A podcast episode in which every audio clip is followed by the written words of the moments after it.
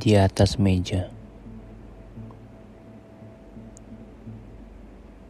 Joko Pinurbo 1990 Di atas meja kecil ini masih tercium harum darahmu di halaman-halaman buku.